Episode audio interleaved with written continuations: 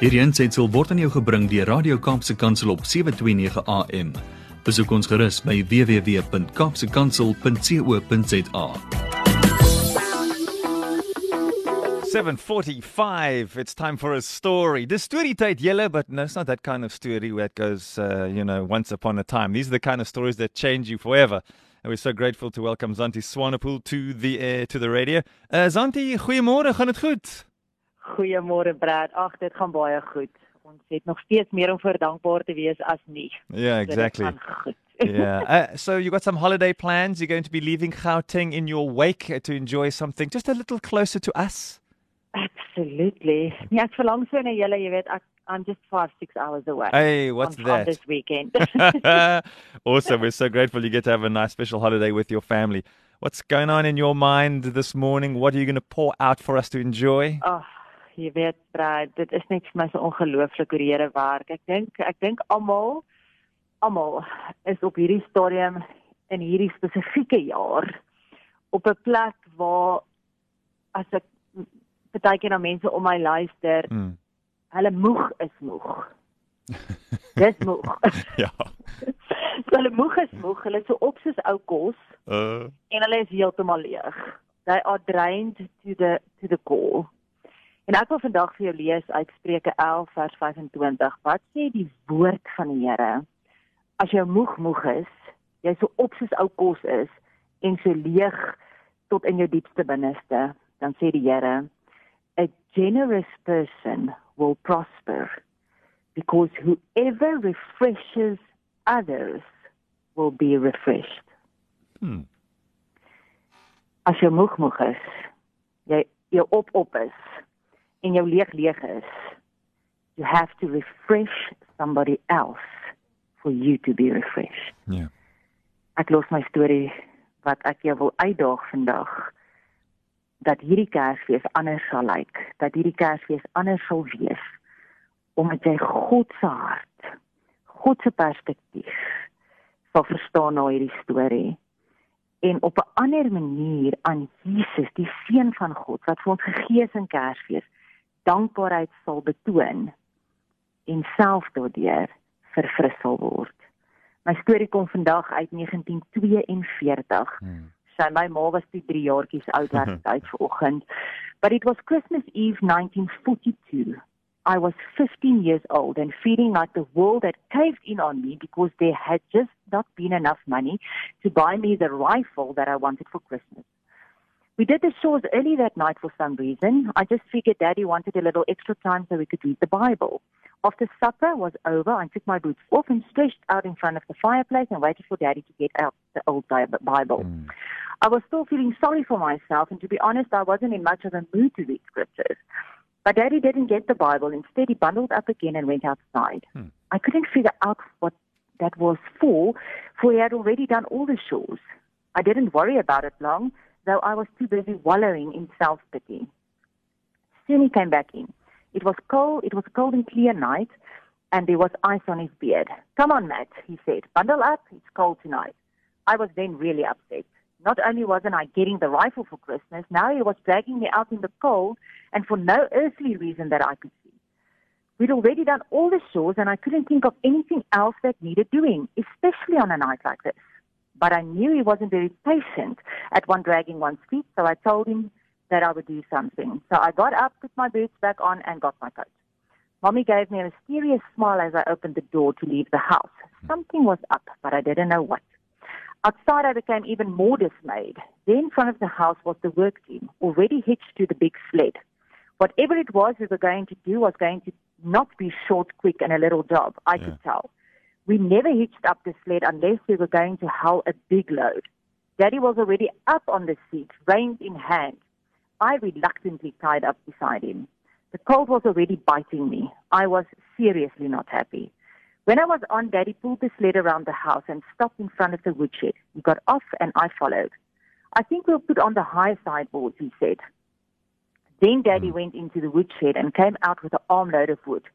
The wood I spent all summer howling down from the mountain and then all fall sawing into blocks and splitting. What was he doing? Finally, I said something. I asked, What are you doing, Daddy? He replied, You've been by the widows Jensen's lately? he asked. Mrs. Jensen lived about two miles down the road. Her husband had died a year or so before and Mm. left her with three children, the eldest only being eight. Sure, I've been there, but so what? Why, Daddy? Because I rode by just today, he said. Little Jackie was out digging around the woodpile trying to find a few chips. They are out of wood, Matt. That was all he said, and then he turned back and led the wood shed for another armload of wood. I followed him. We loaded his sled so high that I began to wonder if the horses would be able to pull it. Sure. Finally, he called halt to our loading. Then he went to the smokehouse and he took out a big ham and a side of bacon. He handed them to me and told me to put them on the sled and wait. When he returned, he was carrying a sack of flour over his right shoulder and a small sack of something in the right, uh, in the left hand. What is in the little sack? I asked. Shoes. They are out of shoes, Matt. The little Jackie just had gunny sacks wrapped around his feet when he was out in the woodpile this morning. I got the children a little candy too. I just, it just wouldn't be Christmas without a little candy. We rode the two miles to Mrs. Jensen's pretty house, ach, pretty much in silence. I tried to think, though, what Daddy was doing. We didn't have much by worldly standards. Of course, we did have a big wood pile, though most of that was left was now still in the form of logs that I had to saw into blocks and split before we could use it. But we also had meat and flour so that we could spare. But I knew we didn't have any money. So why was he buying them shoes and candy? Really?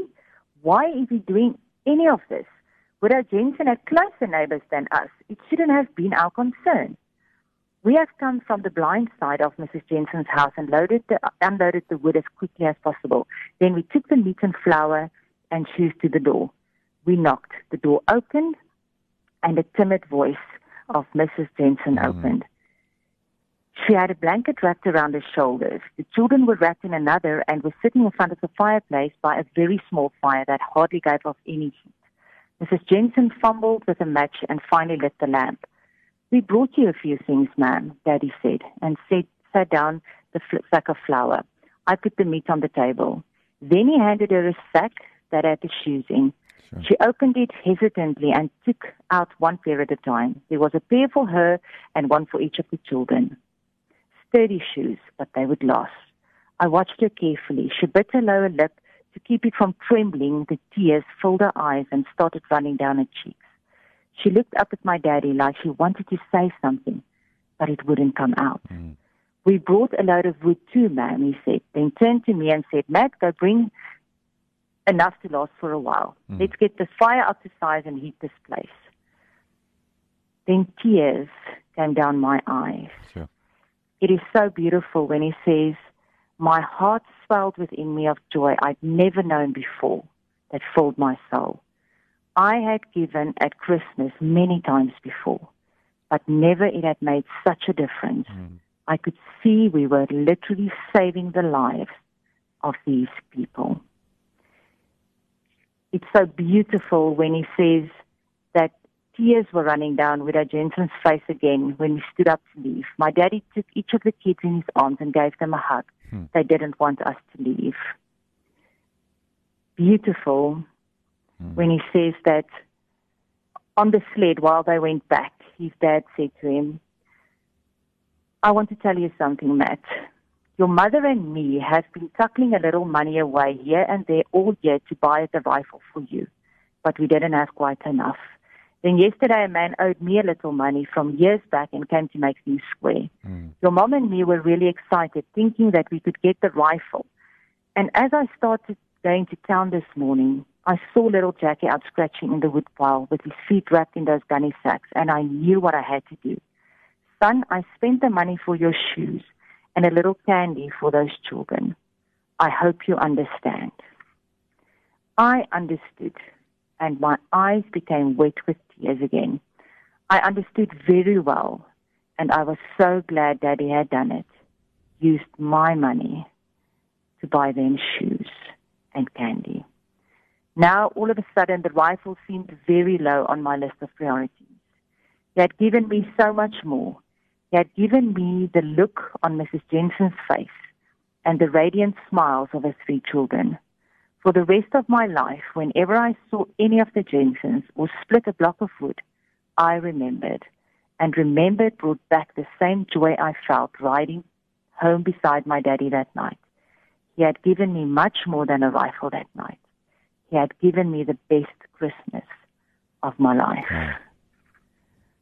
Ek wil jou vandag uitdaag luisteraar dat Kersfees 'n tyd is waarin ek en jy iets van mekaar kan gee sodat deur dit God se liefde kan skyn. Want in 2 Korintiërs 9 vers 7 staan daar: Each of you should give what you have decided in your heart to give, not reluctantly Hmm. or under compulsion, for God loves a cheerful giver. Spreuke 3 vers 27 sê: Do not withhold good from those whom it is due when it is in your power to act. Mag ek ons uitdaag hierdie Kersfees om as gesin saam nie aan onsself te dink nie.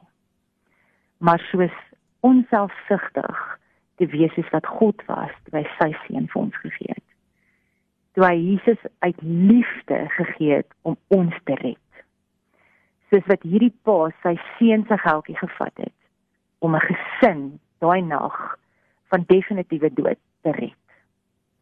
Ek wil vir jou vra vandag luisteraar, kyk om jou en maak dit jou gesin se projek hierdie jaar om nie vir mekaar te gee nie, maar om uit te reik na iemand anders.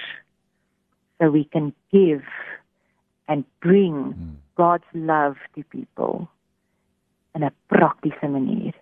Because when you refresh somebody else, God promises that you will be refreshed. Amen. Amen. Yeah, God's a promise maker and a promise keeper. What a what a beautiful story and I think this sums it up this message that came through. It says ek weet dat baie van ons ook nou trane in ons oë het. Thank you for blessing us this morning. Blessed to be a blessing. Zantie Swanepoel, thank you for your time. Thank you for your blessing and may you have a beautiful God-filled day. Praise the Lord. Thank you, Brad. The same to you. Thanks, Zantie. Bye-bye. Bye-bye. Mm-hmm. Hierdie aansetsel is aan jou gebring deur Radio Kaapse Kansel op 729 AM. Besoek ons gerus op www.kaapsekansel.co.za.